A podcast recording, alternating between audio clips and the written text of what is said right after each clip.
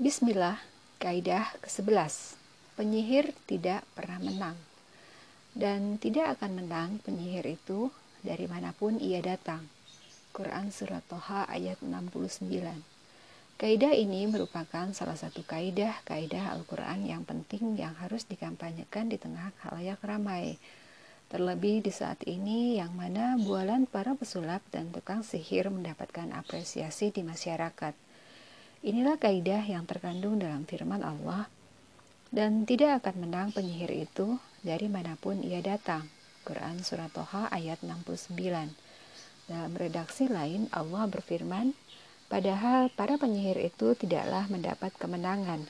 Quran Surat Yunus ayat 77 Kaidah ini berlatar konteks kisah Nabi Musa alaihissalam dengan para penyihir Raja Fir'aun setelah ada perjanjian untuk bertanding.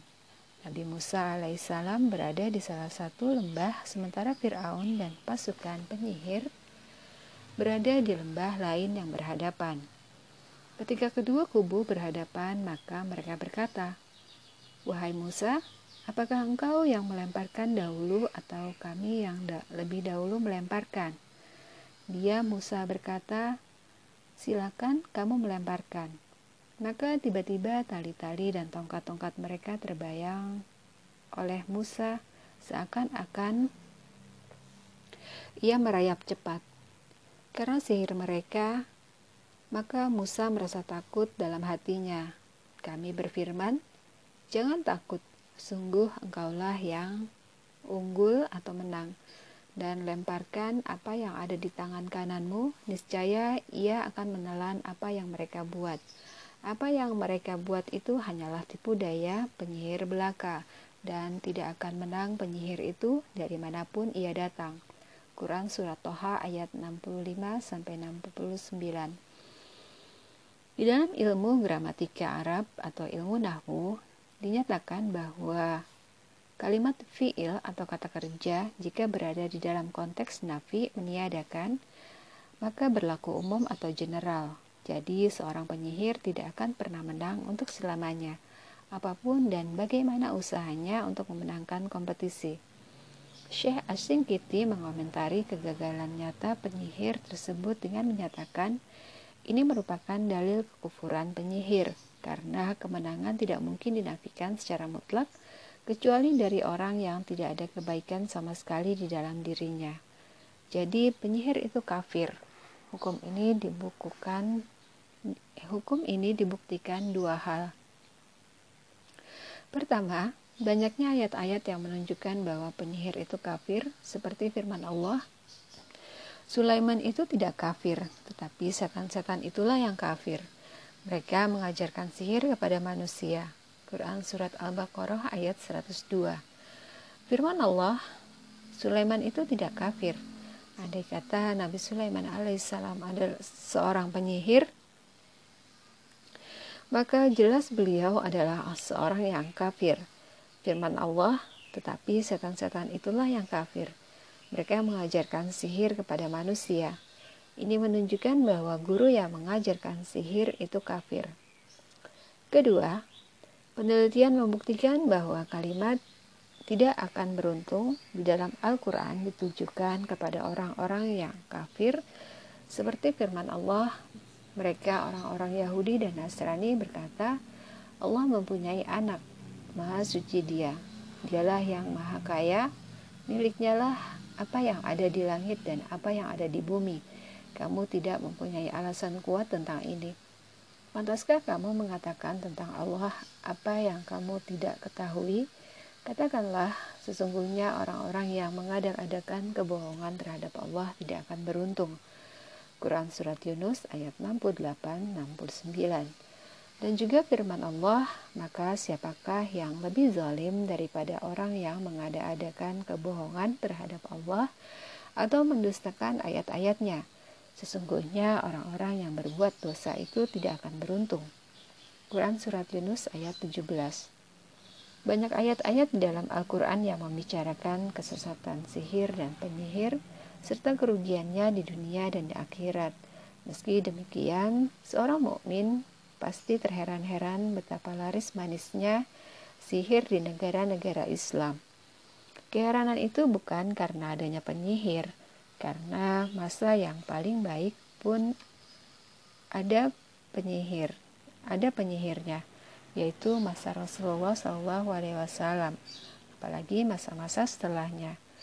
Keheranan itu juga bukan karena penyihir itu mengeruk keuntungan dengan berbagai cara, tetapi keheranan itu terjadi saat melihat umat Islam yang membaca kitab sucinya dan mengetahui di dalamnya terdapat kecaman terhadap sihir, dah penyihir dan penyihir sekaligus penjelasan akibat buruk karena di dunia dan akhirat. Meskipun demikian, kaum muslimin dengan sadar berdesak-desakan mengantri di depan para penyihir, baik di depan rumah para penyihir itu atau lewat siaran langsung televisi yang baru-baru ini mendapat rating tinggi. Mereka meminta untuk mencelakai seseorang atau menghilangkan sihir dari orang lain, seakan mereka tidak pernah membaca firman Allah. Mereka tidak akan dapat mencelakakan seseorang dengan sihirnya kecuali dengan izin Allah. Mereka mempelajari sesuatu yang mencelakakan dan tidak memberi manfaat kepada mereka. Dan sungguh mereka sudah tahu, barang siapa membeli atau menggunakan sihir itu, niscaya tidak akan mendapat keuntungan di akhirat. Dan sungguh sangatlah buruk perbuatan mereka yang menjual dirinya dengan sihir, sekiranya mereka tahu. Quran Surat Al-Baqarah ayat 102 Jelas sekali, andai tidak banyak orang yang mendatangi para penyihir itu, pasti jualan mereka tidak akan laku dan pengaruh negatif mereka tidak akan merajalela. Sungguh, betapapun penyakit akut yang diderita seseorang atau penyakit jiwa yang menghinggapinya dan kondisi perekonomian yang tak menentu tidak boleh dipakai alasan mendatangi pasar gelap atau pasar sihir ini. Bagaimana mungkin seseorang mengharap keberuntungan dengan mendatangi orang yang difonis bangkrut oleh Allah? Sungguh, Allah Maha Pengasih dan Maha Kaya yang lebih berhak didatangi daripada mendatangi para penyihir itu. Allah pasti tak akan menurunkan obat atas penderitaan yang mereka alami, sebagaimana diungkapkan oleh Rasulullah SAW. Setiap penyakit pasti ada obatnya. Jika obat itu bereaksi atas penyakit, maka ia pasti sembuh dengan izin izin dari Allah Azza wa Jalla. Hadis riwayat Muslim. Dalam kitab Sahih Al-Bukhari, hadis yang diriwayatkan oleh Abu Hurairah radhiyallahu anhu bahwa Rasulullah Shallallahu alaihi wasallam bersabda, Allah tidak menurunkan penyakit melainkan juga menurunkan obatnya. Hadis riwayat Al-Bukhari. Besarnya bahaya yang ditimbulkan oleh sihir menjadikannya sebagai alasan diharamkannya untuk semua agama. Sesungguhnya keyakinan bahwa penyihir tidak akan menang dan tidak akan berhasil akan mendorong seseorang melakukan beberapa hal. Yang paling utama adalah menjauhi dan tidak mendatangi para penyihir yang telah difonis buruk dan ditetapkan tidak beruntung oleh Allah baik di dunia atau di akhirat untuk berobat atau lainnya. Bagaimana seseorang mengharap keberuntungan dari orang yang telah difonis Allah sebagai orang yang merugi dan tidak memiliki keberuntungan. Takut memikirkan dan melakukan salah satu jenis sihir dalam kondisi apa pun, baik untuk atof atau merukunkan dua orang yang bertikai atau sar memisahkan dua orang yang rukun sebagaimana yang sering dilakukan banyak wanita.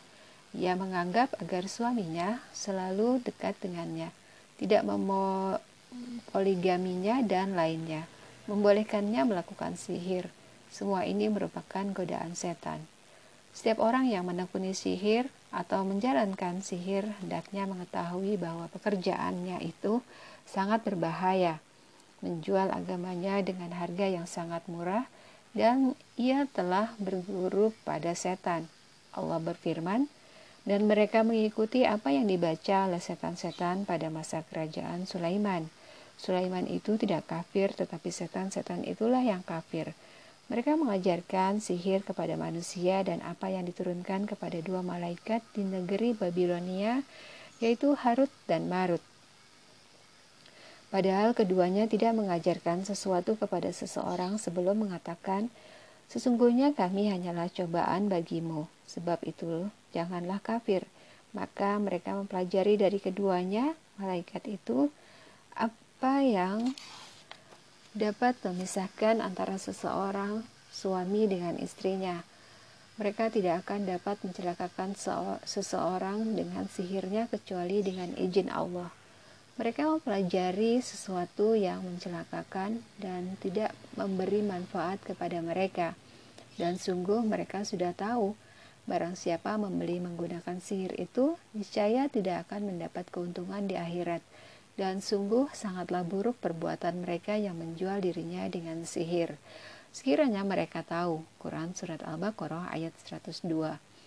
Jika sewaktu-waktu kondisi kejiwaan seseorang tidak stabil dan setan menggodanya dengan hal-hal yang berkaitan dengan sihir, maka hendaknya ia segera bertobat, meninggalkannya seketika dan meminta maaf kepada orang yang disakiti sebelum kematian tiba dan sebelum berdiri di depan zat yang mengetahui hal-hal samar, mengetahui siapa penyihir, mengetahui siapa yang disihir, Lalu Allah memberi kesempatan orang yang dizalimi membalas orang yang menzalimi pada saat satu kebaikan lebih berharga daripada dunia seisinya. Sesungguhnya keyakinan seorang mukmin ada dengan kaidah dan tidak akan menang penyihir itu dari mana pun ia datang. Quran Surat Toha ayat 69 akan mempertebal rasa tawakalnya atau bersandar kepada Allah semata tidak takut ancaman penyihir, dan selalu ingat firman Allah, Bukankah Allah yang mencukupi hambanya? Quran Surat Az-Zumar ayat 36 Hal yang perlu diingat adalah meskipun para penyihir itu hidup bergelimang harta dan kelihatannya berbahagia, tetapi sebenarnya hidup mereka jauh lebih sengsara dan lebih besar rasa ketakutannya yang menghampirinya.